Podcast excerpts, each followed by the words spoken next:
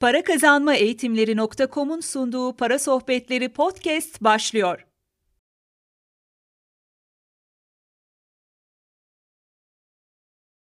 Arkadaşlar merhaba. İnternette en çok fayda gördüğüm, severek YouTube kanalını ve Instagram sayfasını takip ettiğim Dijital Baba Orhan Toker'le beraberiz. Virtual Reality, sanal gerçekliği konuşacağız. Çocuklar açısından ele alacağız. Çocuklara uygun mu diyeceğiz. Hoş geldiniz. Zaman ayırdığınız için çok çok teşekkür ederim. Hoş bulduk. Ben teşekkür ederim davetiniz için. Evet. Şimdi ben müsaadenizle ufak bir giriş yapmak istiyorum. Sanal gerçeklik dediğimiz zaman işte daha çok var, evlerde yok, işte çok pahalı alamıyoruz falan diyenler oluyor. Ben not olarak söylüyorum. Bunun için açılmış bir takım işletmeler var. Bunun için özel açılmamış ama bir takım eğlence merkezlerinde de artık rahatça ulaşılabiliyor. Yani kiralanabiliyor belli bir zaman karşılığında. Onu da en baştan belki ailelere bilgi olarak söylemekte fayda var. Ben müsaadenizle hemen başlıyorum. Sanal gerçeklik diyoruz da sanal gerçeklik nedir? Ne oluyor orada? Neler yapabiliyoruz? Şimdi sanal gerçeklik deyince e, insanlar hep hani o gözlükleri takarak işte sanal bir aleme girdiklerini düşünüyorlar. Tamam onun tarif olarak o da doğru. Ancak bizim e, bilgisayarda yaptığımız ve gerçek hayatta yapmayıp bunu bilgisayarda simüle edebildiğimiz aslında her şey e, sanal gerçeklik. O gözlükler sadece bizim sanal gerçekliği görme şeklimizi değiştiriyor. Yani mesela bir e, uçak simülatörü kullandığınız zaman da e, gerçek uçağı kullanmadığınız için aslında sanal bir gerçekliğin içinde olmuş oluyorsunuz. E, ya da ne bileyim bir tarih oyunu oynarken, tarihi bir oyunda savaşırken de yine sanal gerçekliğin içinde olmuş oluyorsunuz. Bunun için hani insanların aklına sadece şey gelmesin, gözlükler gelmesin. Instagram'da bile biz sanal olarak insanlarla iletişim kurmuş oluyoruz, sosyalleşmiş oluyoruz sanal olarak. Bu sanal gerçeklik gözlükleriyle alakalı ben geçen bir şey söylemiştim. Çok tutuldu. Ekran giderek gözümüze yaklaşıyor demiştim. İlk başta arabalı sinema vardı. Çok uzaktı ekran. Sonra normal sinemalara işte koltuklara oturmaya başladık. Biraz yaklaştı. Eve televizyon geldi. Biraz daha yaklaştı. Cep telefonuyla dibimize girdi. Şimdi o gözlüklerle de böyle birkaç santim ötemize doğru gidiyor diye bir tespitte bulunmuştum. Yeri gelmişken tekrar edeyim. Çok ben, Müsaadenizle şöyle bir soru sorayım. Çocuklar için uygun mu peki? Ya da kaç yaşından sonra uygun? Ya da hep ekrana süre koyalım diye konuşuyoruz. Burada da bir süre koymak falan mümkün olabilir mi? Şimdi sanal gerçeklik gözleri, gözlükleri yeni değil. Epey bir süredir var. Yani yeni zannedenler varsa belki bu metaverse kavramından dolayı yeni diye algılıyor olabilirler. E, yaklaşık 6-7 yanlış bilmiyorsam 6-7 senedir var. E, ilk çıktığından beri de e, bir türlü şey olmadı. Bir de Google Glass vardı mesela. Hatırlarsanız gözlüğümüzde buradan arttırılmış gerçeklik. Arttırılmış gerçeklik vardı. Evet. Şimdi bu gözlükler 15 dakikadan sonra e, baş ağrısı yapıyorlar. Yani zaten üzerlerinde de yazıyor 15 dakika kullanıp çıkarmanız gerekir diyor. Özellikle e, bazı insanlarda e, denge merkezini etkilediği için aynı araba veya uçak tekne tutması gibi tutma da yapabiliyor. Yani insan denge merkezini tutuyor. E, ben çocuklar için hiç uygun bulmuyorum. Benim kızım da çok istedi sanal gerçeklik gözlüğü. Hatta Samsung'un hani şu gözlüğe telefon takılan şeyleri vardı. Onu da almadım ben. Bunu kendim için de kızım için de zararlı buluyorum. Her ne kadar çekici bulsam da e, sağlık açısından zararlı buluyorum. Ben kullanmış biri olarak, denemiş biri olarak, tecrübe olarak eklemek istiyorum müsaadenizle. Çok hareketli, e, hızlı akan görüntüler, çok parlak görüntüler gözünüzün dibinde. Hani beni uçak tutmuyor, ne bileyim gemi tutmuyor, yükseklik tutmuyor ama bir süreden sonra ben rahatsız olduğumu hissettim. Çok açık söylemek gerekirse. Çok renkli, çok yakın, çok hızlı. Çünkü ben öyle tecrübe ettim. Kimisi edebilir, kimisi etmeyebilir. Ben kendi tecrübemi söyledim. Peki şöyle bir soru sorayım müsaadenizle. Bunları eğitim için kullanmak mümkün mü? Bu soru da nereden aklıma geldi? Yakın bir zamanda e, bu NASA'nın uzay sergisine gittik. Oğlum ilk defa orada tanıştı ve tabiri caizse aşık oldu. İşte orada insanlar e, Mars'ın yüzeyini de geziyormuş gibi insanlar e, çocuklara tecrübe ettirdiler. Mesela benim oğlum bayıldı. Uygun mu acaba eğitime? Şimdi e, tabii ki aslında bence en iyi yerinin eğitim olabilir. Çünkü insanlar yani hepimiz e, birinci şeyimiz görerek, dokunarak e, tecrübe etmek isteriz her şeyi. bize böyle sözle anlatılan her şey uçup gidiyor ama görerek yaptıklarımız daha kalıcı oluyor gör, görsel olarak. E, eğitimde kullanılabilir. E, ileride tabii bu şeylerin birazdan konuşacağız. Teknolojiler daha da ilerleyecek. Beynimize o görme sinyallerini atlayarak gönderecek sinyaller. O kısımlarını konuşacağız. E, bunlar doktorların eğitiminde de kullanılıyor, pilotların eğitiminde de kullanılıyor. Yani aslında eğitim alanında çok şey ama dediğim gibi yani e, ben de mesela deneyimledim. E, o görüntüler beni rahatsız etmedi ama e, epilepsi atağı tetikleyebilir yani. Olmayan insanda bile buna benzer ataklar tetikleyebilir. Şimdilik teknoloji biraz geride. Evet. Peki çok kişi merak etmiştir. Bu cihazlar pahalı mı? Ve şöyle bir de ayrıntı da vermek istiyorum müsaadenizle. Siz de teknolojiyle çok ilgilisiniz, içindesiniz. Eskiden bu cihazlar bir bilgisayara ihtiyaç duyuyordu. Hatta sadece meraktan bakıyorduk bizim bilgisayar bunu kaldırır mı diye uyumlu testleri falan vardı. Hiç kimsenin bilgisayarı kaldırmıyordu mesela. Çok güçlü bilgisayarlar yazıyor. Şimdi tek başına çalışabilen modeller var. Yani bilgisayara ihtiyaç duymayan, değil mi? Doğru mu biliyorum? Ve de bu cihazlar pahalı mı? Oradan da sorumda soru bağlayayım. Şimdi e, daha önce bilgisayar oyuncularının dikkatini ilk o bilgisayar oyuncularının dikkatini çekti. Gerçekten çok güçlü bilgisayarlar ve güçlü ekran kartları yani 3D e, virtual reality destekleyen kartlar gerekiyordu. Ekran kartları da gerekiyordu.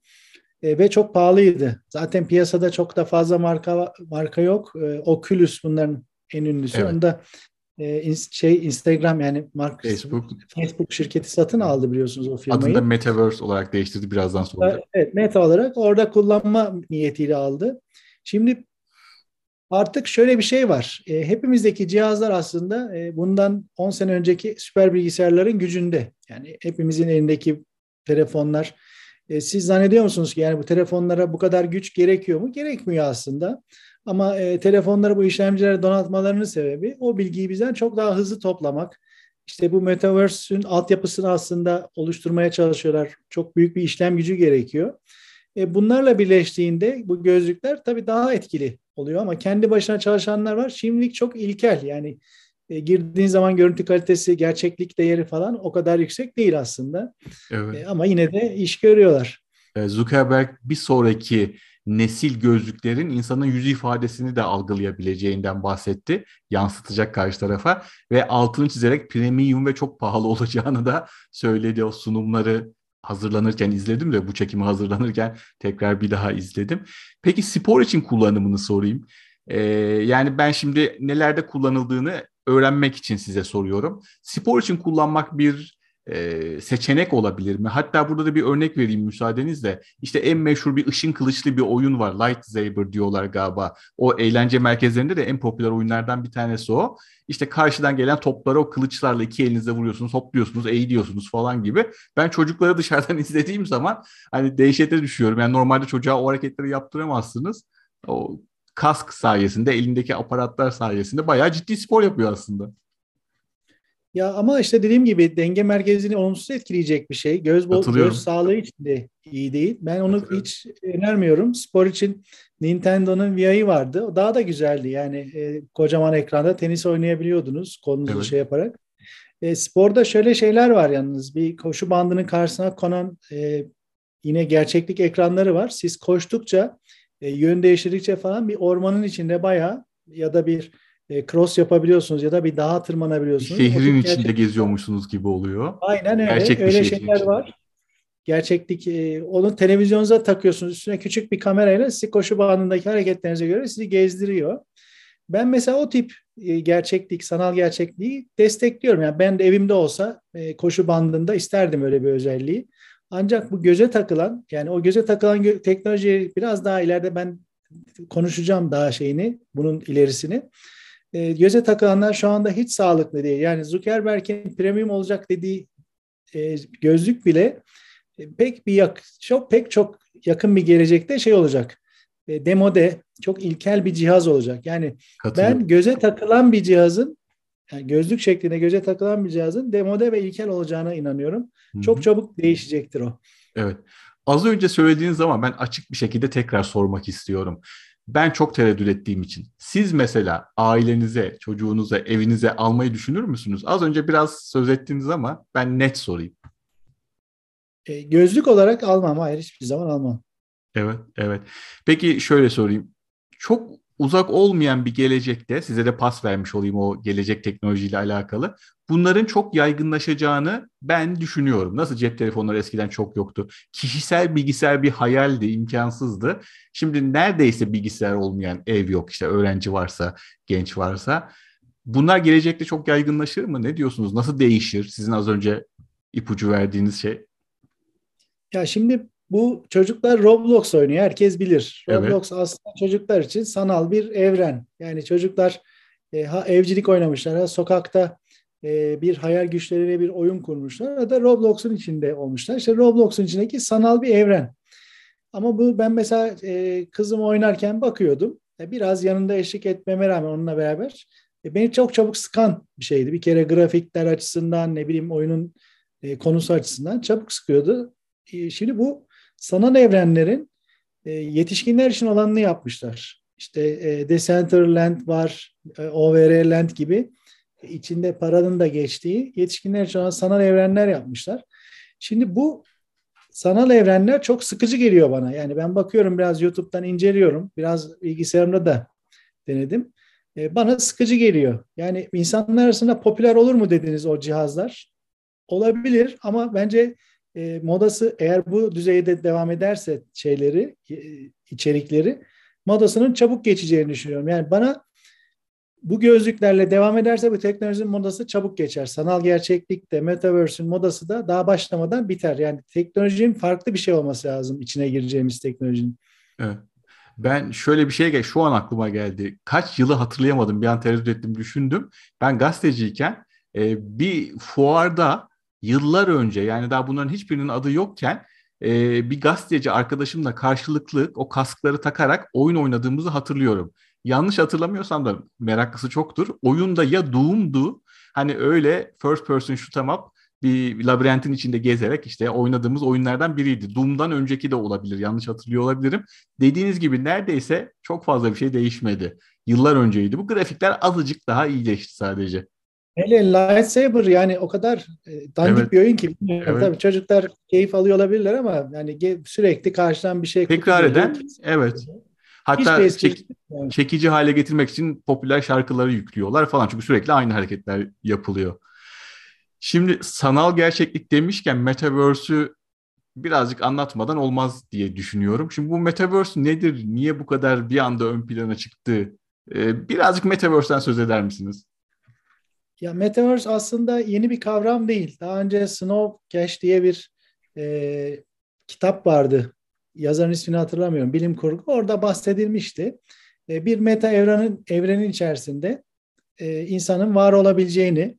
İşte meta evren derken de aslında e, bunu çok şeyi dahil edebiliriz. Yani biz şu anda aslında iki boyutlu bir meta evrendeyiz. Instagram'a girdiğimiz zaman işte burada Zoom'da sizle beraber bir araya geldiğimiz zaman e, ne bileyim bilgisayarımızı açıp e, bir chat yaptığımız zaman aslında iki boyutlu bir meta evren içinde, içindeyiz.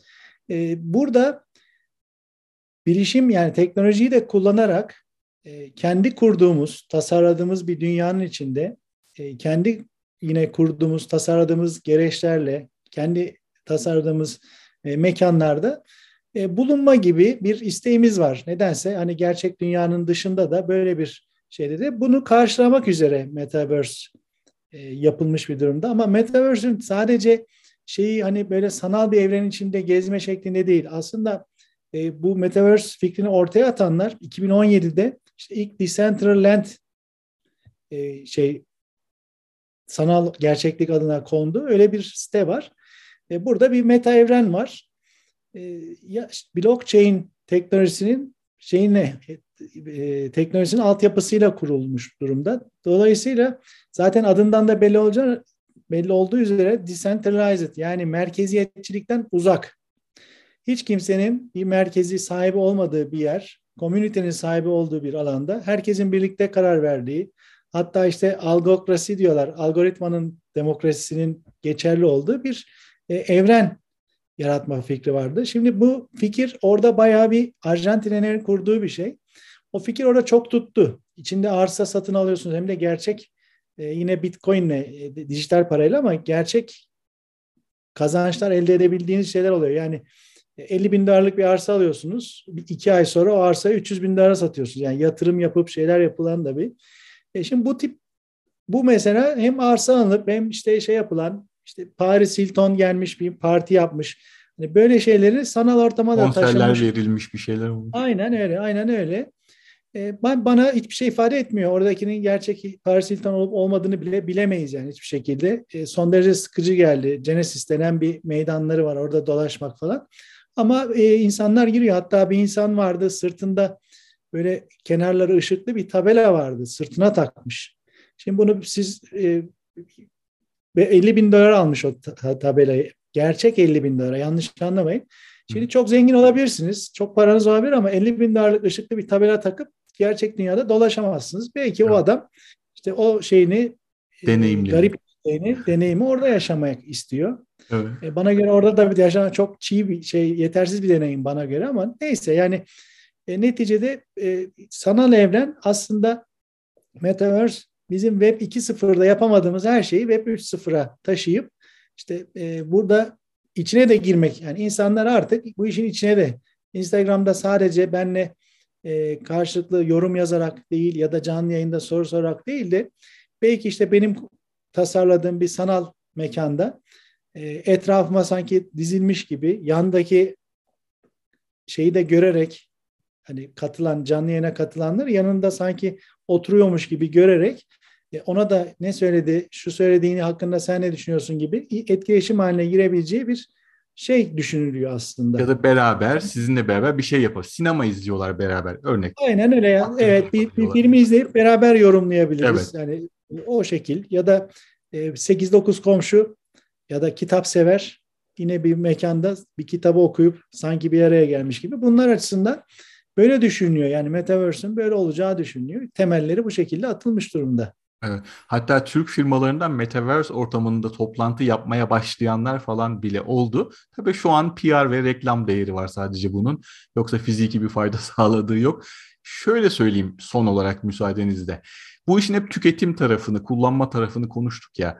Diğer tarafını, üretme tarafını düşünen, değerlendiren, isteyen kişiler için mesela kaynak öneriniz olabilir mi ya da şu yolu izleyin diyebilir misiniz? Ben sizin oluşturduğunuz kaynakları, e, tavsiyeleri çok yakından ailecek tavsiye ediyoruz, e, şey, takip ediyoruz ve tavsiye ediyoruz. Çünkü çok dolu dolu şeyler siz e, kaynaklar veriyorsunuz. Metaverse konusunda, sanal gerçeklik konusunda işte sadece tüketmeyeyim de ben de bir şeyler yapayım diyenlere ne önerirsiniz mesela? Şimdi şöyle söyleyeyim. E, Metaverse'ün işte bu Decentraland dediğim şeyin kurucuları Arjantinli bir kurucusu var. E, şu e, para birimi mana ama e, yanlış hatırlamıyorsam e, Cardano, Cardano'nun Cardano, da evet. sahibi olan e, Arjantinli bir yatırımcı yani dijital para çıkaran E, yatırımcı. E, oradan şimdi inanılmaz bir para kazanıyor. Yani gerçek parayla para kazanıyor bu yatırımcı insan. Hı hı. Yıllık 9 milyar dolar bir getirisi varmış kendisine. Ee, biz de bazı YouTuber'lar da işte oradan nasıl arsa alınacak, hangi arsalar değerli gibi e, şeyler yaparak e, onun üzerinden böyle bir nemalanmaya çalışıyorlar. Yani YouTube videolarının şey yapılmasına çalışıyorlar. Şimdi benim burada özellikle gençlere şöyle bir tavsiyem var. Metaverse'de tüketici olmak, tüketilen olmak istemiyorsanız e, Bitcoin zincir teknolojilerini, blockchain teknolojilerini çok iyi bilmeniz lazım. Bir kere herhangi bir üniversitenin mutlaka matematik, istatistik ve analiz gibi matematiğe dayalı çok kuvvetli, çok iyi matematik bilgisine sahip bölümlerinden birini bitirmeniz. Daha sonra e, bilgisayar bilimlerinin herhangi birini rahatlıkla yapabilirsiniz. Bu işin temelinde matematik var. Öte türlü hepimiz bu işin tüketicisi ve tükeneni olacağız. Yani Metaverse'ün tamamen tüketicisi ve tükeneni olacağız. Hep ütülen taraf olacağız. Çünkü şöyle düşünün emlakçılık yaptığımızı düşünelim sizin ya da benim. E bugün ben mesela Datça'da güzel bir e, arsa var birine göstermek istiyorum. Ne yapmam lazım? Arabamı atlayacağım, o müşteriyi alacağım, ta tozlu tarlaların ortasına gideceğim. Belli bir zahmet yapacağım. Arabam eskiyecek, bir masraf harcayacağım. Arsayı göstereceğim. İşte satarsam komisyonumu alacağım. Şimdi Cardano'yu düşünün ne yapıyor?